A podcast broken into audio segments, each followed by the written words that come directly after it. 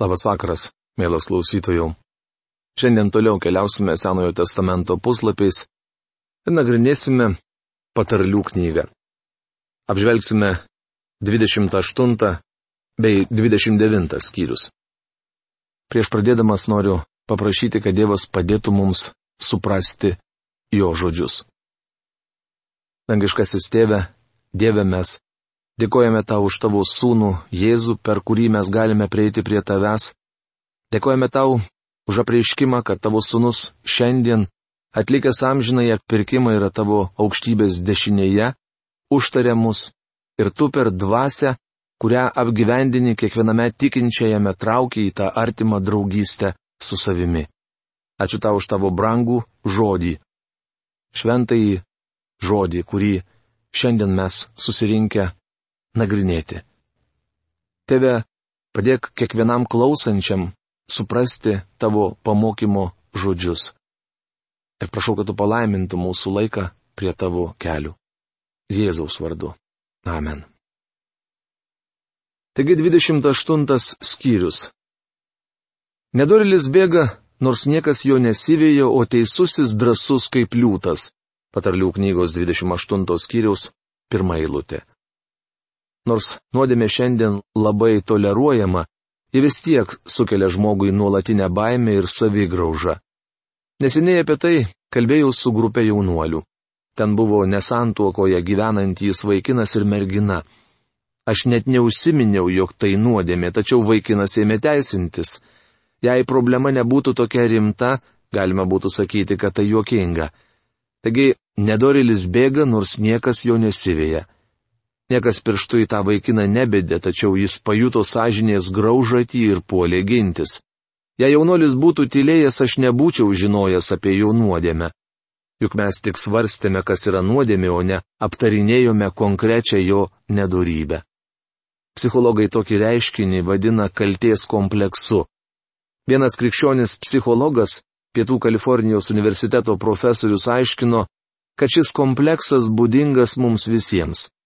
Jis toks pat svarbus kaip dešinė ranka. Daugelis trokšta jo atsikratyti, tačiau vien gerų norų tam neužtenka. Kitas šio profesoriaus teiginys dar įdomesnis. Jis sakė, psichologai gali perstumti kalties kompleksą iš vienos vietos į kitą, tačiau negali jo panaikinti. Antroje skaitytos patarlės dalyje sakoma, kad teisusis drasus kaip liūtas – Jei žmogus nekaltas, jis gali atsistoti ir drąsiai išsakyti savo mintis. Jei jo proto netemdo kalties jausmas, jis nebijos nepalankios kitų žmonių nuomonės. Kai žmogus nusisuka nenorėdamas klausyti įstatymo, net jo malda tampa pasibjaurėtina. Patarlių knygos 28 skyriaus 9 eilutė. Įstatymas yra Dievo žodis.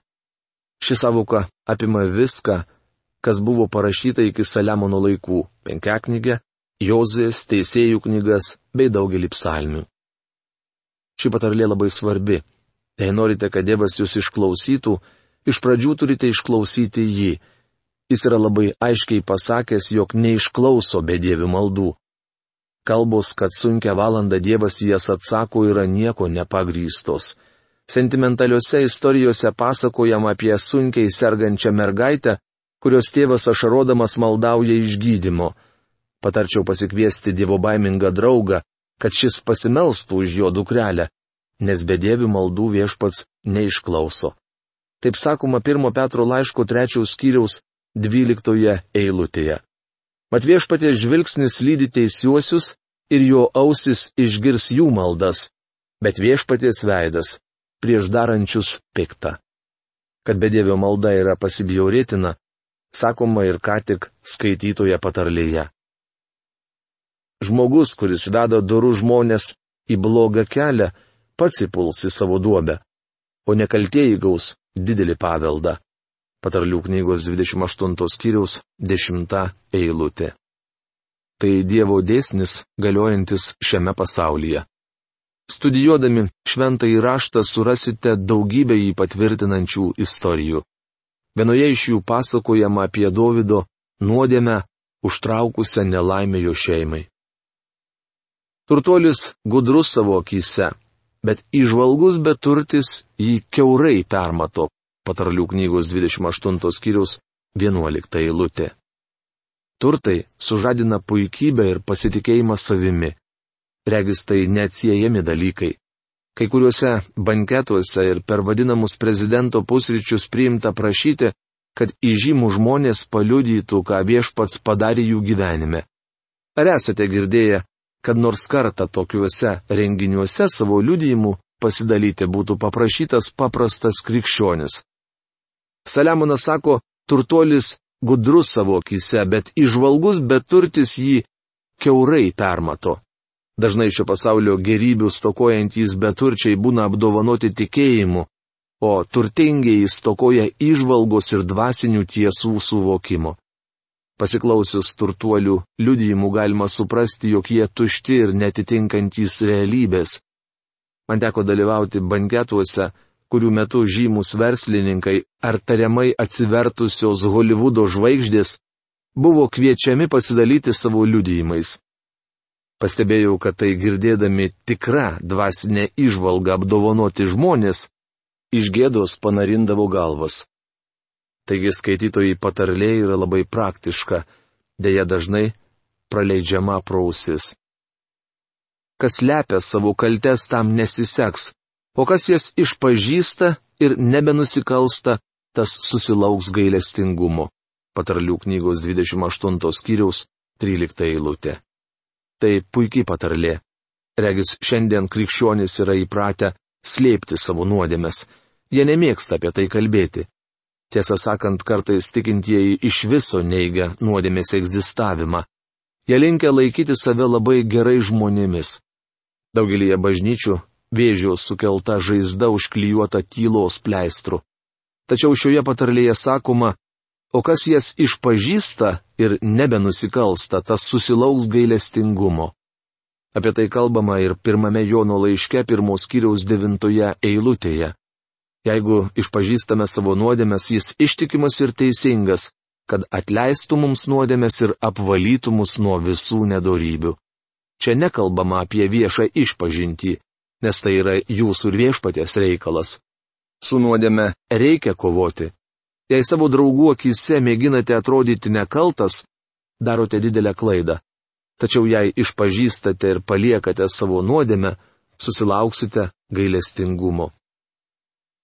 Laimingas žmogus visada pagarbiai bijantis Dievo, o kas užkėtina savo širdį, tas patenka į nelaimę. Patarlių knygos 28 skyriaus 14 eilutė. Ši patarlė aiškina, ką reiškia gyventi viešpaties baimėje.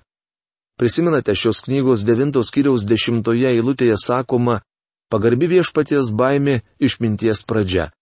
Tai reiškia, kad mūsų širdys visuomet turi būti atviros Dievui. Tačiau bedievis užkietina savo širdį. Dievo baimingas žmogus klauso Dievo.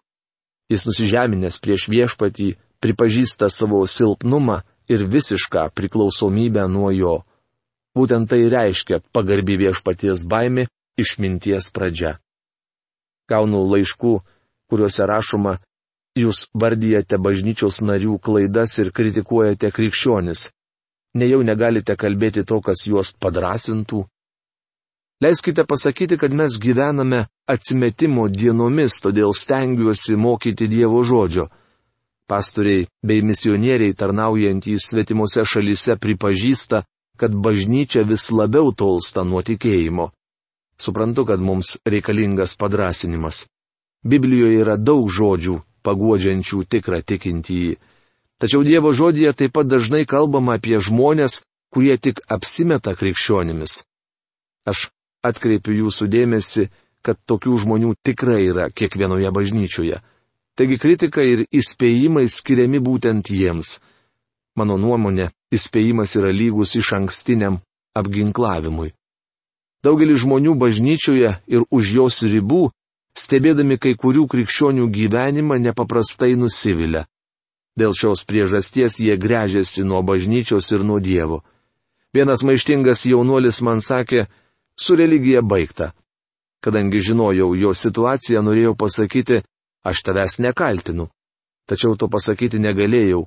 Tad bandžiau pabrėžti, jog bažnyčioje yra daug nuostabių šventųjų. Su tai žmonėmis jis galėjo puikiausiai bendrauti. Dažnai jie likdavo kažkur fone ir tas vaikinas jų nepastebėdavo. Šį paaiškinimą įterpiu dėl to, kad jūs nemanytumėte, jog aš pernelyg kritiškai atsiliepiu apie šio laikinę bažnyčią. Tiesą sakant, tas, kuris rašė šias patarlės, neplenkiai ne vieno iš mūsų. Daugelį patarlių galime ir turėtume taikyti savo asmeniškai. Žmogus vejamas dėl kraujo kalties bėgs iki kapo. Te nepadeda jam niekas. Patarlių knygos 28 skyriaus 17 eilutė. Žmogus samoningai padaręs siaubingą nusikaltimą turi nešti baisę sąžinės graužaties naštą. Dažnai tai baigėsi savižudybė. Judo Iskarijoto likimas yra akivaizdi biblinė šios patarlės iliustracija. Jis padarė baisų nusikaltimą ir galiausiai, neištvėręs, nusižudė. Vienas federalinio tyrimų biuro darbuotojas man pasakojo, jog būna nusikaltimų, kurių nepavyksta išaiškinti daug metų.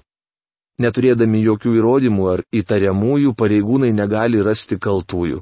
Tačiau kartais atsiranda vyras ar moteris, kuriam būtina išsipasakoti ir prisipažinti. Kartais taip atsitinka, kai nusikaltelis jau būna nuteistas už kitą nusižengimą.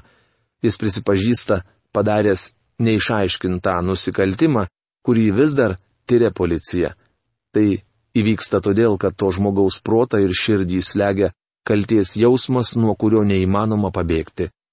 Tokius mus sukūrė Dievas, trokšdamas, kad sugrįžtume pas jį. Kas apiplėšia tėvą ar motiną ir sako, tai nenuodėmė, tas plėšikų sėbras. Patarlių knygos 28 skyriaus 24 eilutė. Jaunuolis gali galvoti, aš vis vieną paveldėsiu tėvo turtą, tad dalį jo pasimsiu jau dabar. Dievas teigia, jog tai nusikaltimas. Viešpats Jėzus priekaištavo anų laikų religiniams vadovams, nes jie mokė, te būna kurbanas, arba te būna auka Dievui, kuo turėčiau tave sušelbti. Tai prašoma Mato Evangelijos 15 skyriaus 5-6 ir Morkaus Evangelijos 7 skyriaus 11 eilutėse. Kitaip tariant, žmogus pašvenčia Dievui tai, ką galėtų atiduoti savo tėvams. Vadinasi, jis mano, kad gali nebesirūpinti savo tėvais. Jėzus sakė, jog tai prieštarauja Dievo įsakymui. Matote, kai mums reikia, mielai naudojamės giminystės ryšiais. Tačiau pasitaiko situacijų, kai atsisakome padėti savo gimdytojams ar pasisaviname tai, kas mums nepriklauso. Mūsų viešpats smerkė tokį elgesį. Norėčiau įspėti jūs, kad jei esate tėvas ar motina, neturėtumėte tolerantiškai žiūrėti į vagiliavimą iš namų. Patarlių knygos 29 skyrius. Kas dažnai įspėtas įsižeidžia ir užsispiria, tas bus staiga ir visiškai palauštas. Patarlių knygos 29 skyriaus pirmą eilutę. Dievas labai įvairiais būdais įspėja žmogų. Tačiau šis gali nekreipti į tai dėmesio ir toliau daryti nuodėmes. Galėčiau papasakoti daug atsitikimų, kai Dievas prieš siūsdamas bausmę žmonės įspėdavo. Tačiau jie nesusimastydavo ir dar šiame gyvenime susilaukdavo bausmės. Kai vieną vakarą su draugu ėjome Dalaso gatve, prieš teatro rūmus išvykome didelę minę žmonių, prie ją arčiau pamatėme visiškai sudaužytą automobilį. Patikėkite, vaizdas buvo kraupus. Kai grįžau į seminariją, vienas studentas papasakojo, kas ten atsitiko. Pasirodo, tą mašiną vairavo vidurinės mokyklos moksleivis. Kartu su juo važiavo ir jo draugė. Jie buvo užsukę pas vieną merginą, ragino ją paskambinti vaikinui ir važiuoti kartu. Tačiau toji mergina atsisakė ir pasiūlė kartu su ją eiti į Biblijos studijas. Galiausiai jie sutiko nuvežti draugę į Biblijos studijas, tačiau su ją eiti nepanoro. Jiems bevažiuojant mergina liudijo Kristų. Ji papasakojo savo draugams, kad Biblijos studijų metu priėmė Jėzų, bet to pabrėžė, jog Kristus reikalingas ir jiems. Tačiau šiedu tik pasišaipė ir išleido merginą. Po penkių minučių jie, lėkdami miesto gatve, susidūrė su kitu automobiliu. Abu paaugliai žuvo vietoje. Šią patarlę galėčiau iliustruoti ir bibliniais pavyzdžiais. Kurachas, Datanas ir Abiramas, Belšacaras, Jezabelė ir daugelis kitų į dievų įspėjimus nekreipdavo dėmesio, tačiau jų likimas buvo tragiškas. Kas dažnai įspėtas įsižeidžia ir užsispiria, tas bus taiga ir visiškai palauštas. Kai teisėjai vyrauja, tauta džiaugiasi, o kai nedorėliai valdo, tauta dėjuoja. Patarlių knygos 29 skyriaus antra eilutė. Jau matėme, kad įgyję valdžią nedorėliai neįsprendžia problemų. Tačiau vienas teisusis gali atnešti palaiminimą visai tautai. Mums nereikia žmonių tvirtinančių, jog jie gali išspręsti visas problemas. Niekas nepajėgus išspręsti šio pasaulio problemų, o jei žmogus tvirtina galys tai padaryti, jis meluoja. Šiandien mums reikia teisiųjų, kurie bet kokią kainą gintų tiesą. Mano įsitikinimu, vienas toks žmogus vertesnis už visą partiją. Kai nedorilis valdo, visi kenčia. Beje, už ką balsavote? Teisingumu karalius padaro savo kraštą saugų, o tas, kuris užkrauna didelius mokesčius, jį pražudo. Patarlių knygos 29 skyrius, ketvirta eilutė. Davidas buvo geras karalius, teisus ir dievo baimingas valdytojas. Tačiau jis prisipažino, jog jo namai nebuvo tvirti. Tik karalius Kristus padarys savo kraštą saugų arba, kaip verčia profesorius Algirdas Jurienas, teisingumu duos pastovumą šaliai. Kristaus sugrįžimas yra vienintelė šio pasaulio viltis. Dėkokite viešpačiui, kad bažnyčia bus paimta iki jo sugrįžimo. Šiandien politikai palenkiami dovanomis, jos turi įtakos visų partijų politikai. Tik viešpats Jėzus valdys teisingai. Žmogus, kuris pataikauja savo artimui, spendžia pinklės jo kojoms. Patarlių knygos 29 skyriaus 5 eilutė. Žinoma, nieko tokio pagirti uoliai besidarbuojantį žmogų. Nuopelnai turi būti įvertinami. Manau, Dievo tarnus taip pat kartais reikia pagirti. Tačiau pataikavimas yra kaip medaus persivalgymas. Kaip prisimenate, apie tai jau skaitėme patarlių knygoje. Regis, kai kurie žmonės visuomet stengiasi įsiteikti ir niekada nesako to, ką iš tikrųjų jaučia.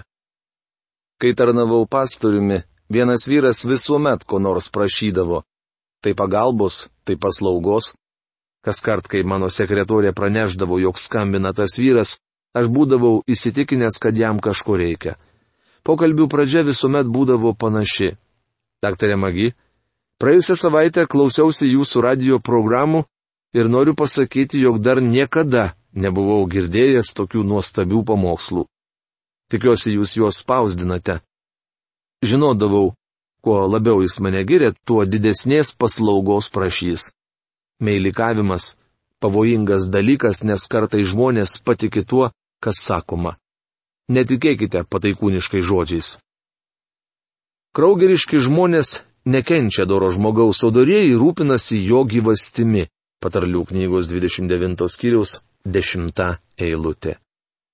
Kraujo ištroškusio žmogaus širdyje slypi žmogžudystė ir neapykanta. Viešpats Jėzus sakė, kad tas, kuris nekenčia savo brolių, yra kaltas žmogžudyste. Visuomet prisiminkite, kad Dievas sukūrė Adomą ir Jėvą tobulus. Po nuopolio jie galėjo gimdyti tik nusidėjėlius. Adomui ir Jėvai gimė sūnus ir dukterys buvo panašus į savo tėvus. Vienas iš jų buvo Kainas. Tas berniukas gimė su žmogžudyste širdyje. Jis nekentė savo brolio. Biblijoje sakoma, kad Kainas buvo žudikas. Pirmiausia, jo širdyje gimė pavydas ir pyktis, o žmogžudystę jis įvykdė šiek tiek vėliau. Kvailys išlieja visą savo įniršį, o išmintingas žmogus santūriai susilaiko. Patarlių knygos 29 skyriaus 11 eilutė. Pakalbėkite su kvailiu ir jis išpasakos jums viską. Išmintingas žmogus santūriai susilaiko, jis turi labai atsargiai parengti žodžius. Jei valdovas klausosi melo, visi jo pareigūnai taps nedori, patarlių knygos 29 skyriaus 12 eilutė. Tėvai turi mokyti vaiką ištikimybės ir rodyti jam gerą pavyzdį, nes mažylis darys tą patį, ką daro jo tėvai. Panašiai žmonės imituoja valdytojus ir aukštus pareigūnus. Valdytojo elgesys atsispindės jo pavaldinių gyvenime. Būtent tai pabrėžiama šioje patarlėje. Drausmink savo vaiką ir būsi ramus, o jis tau teiks paguodos. Patarlių knygos 29 skyrius 17 eilutė. Atkreipkite dėmesį, kad Dievas labai dažnai kalba apie vaikų drausminimą. Vadinasi, tai yra nepaprastai svarbu. Kai nebėra svajonių, tauta praranda savitvardą, bet tie, kurie laikosi įstatymo, būna laimingi. Patarlių knygos 29 skyriaus 18 eilutė. Svajonės iš tikrųjų yra dvasinė nuovoka. Šventoji dvasia veikia tikinčiojo gyvenime ir padeda jam suprasti Dievo žodį. Samuelio pirmos knygos trečios skyriaus pirmoje eilutėje skaitome Tomis dienomis Dievo žodis buvo retas ir regėjimas nedažnas. Viešpatie žodis buvo retas. Žmonės nepažinojo Dievo žodžio, todėl jis buvo brangus. Savo tautos poreikiams patenkinti Dievas siuntė pranašą Samuelį. Galbūt prisimenate, jog Jozuje sunerimo, kai stovykloje du vyrai ėmė pranašauti, tačiau Mozė tarė, te būna visi viešpatie žmonės pranašai, te suteikia viešpat savo dvasios Visiems tai prašoma skaičių knygos 11 skyriaus 29 eilutėje. Dvasinė išvalga viena iš dovanų, kurias Dievas yra suteikęs bažnyčiai. Tai Dievo žodžio supratimas. Šiuo skyriumi baigiamas Ezekijo vyrų sudarytas patarlių rinkinys. Be to, mes jau apžvelgėme visas karaliui Saliamonui priskiriamas patarlės. Visgi mano manimu jis parašė ir paskutinį patarlių knygos skyrių. Manau, kad karalius Lemuelis yra ne kas kitas, o Saliamonas. Mielas klausytojų, o kaip su jumis? Ar turite tą dvasinę išvalgą? Tai yra, ar turite Dievo žodžio supratimą? Nes be to supratimo nėra tikėjimo. Jeigu nėra tikėjimo, nėra vilties. Reiškia, mes esam atskirti nuo Dievo ir vis dar vaikštome tamsybėje. Bet kiekvienas iš mūsų įsiklausė į šios knygos žodžius. Galime įgyti tikėjimą ir pasitikėjimą Dievu. Todėl aš prašau, kad kiekvienas iš jūsų nepraleistumėte girdėtų dalykų pro savo ausis tuščiai. Ir šiais palinkėjimo žodžiais noriu užbaigti šios dienos laidą. Iki greito sustikimo. Sudė.